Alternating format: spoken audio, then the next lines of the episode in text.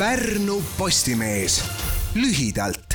Pärnumaa nädala uudiste kokkuvõte on teie ees kahekümne teisel juulil kaks tuhat kakskümmend põrkasid Häädemeeste vallas Tallinna-Pärnu-Ikla maanteel kokku Mercedes-Benz ja Volvo. Volvo kaasreisija, neljakümne kahe aastane naine, suri järgmisel päeval.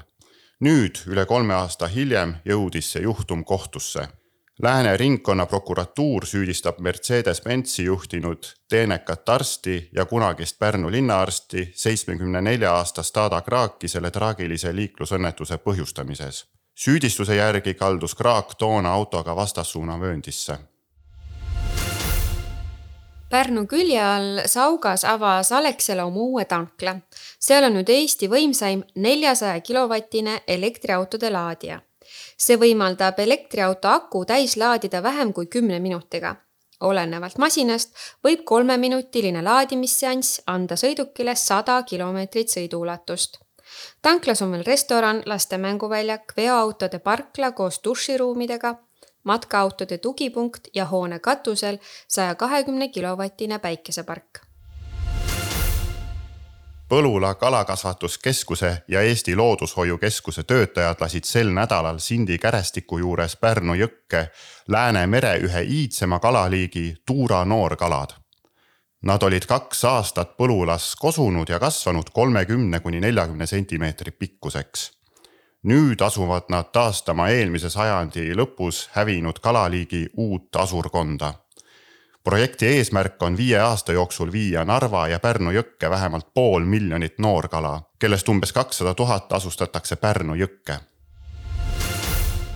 Juba kahekümne kolmandat aastat järjest tähistab Eesti Loomakaitse Selts loomakaitsepäeva kõige loomasõbralikuma ja vaenulikuma teo valimise väljakuulutamisega loomavaenuliku teo kandidaatide esikolmikusse ja sealt rahvahääletusele jõudis Pärnumaal seigelnud valge lehma ja vasika mahalaskmine sel suvel.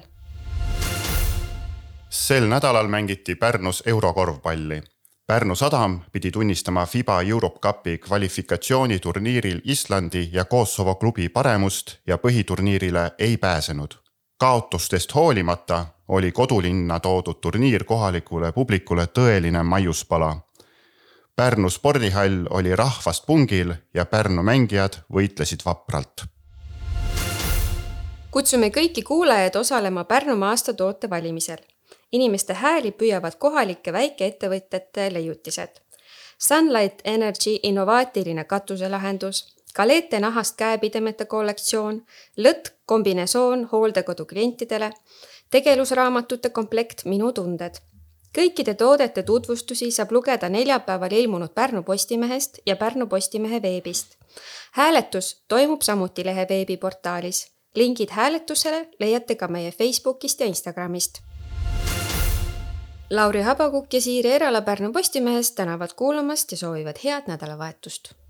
Pärnu Postimees lühidalt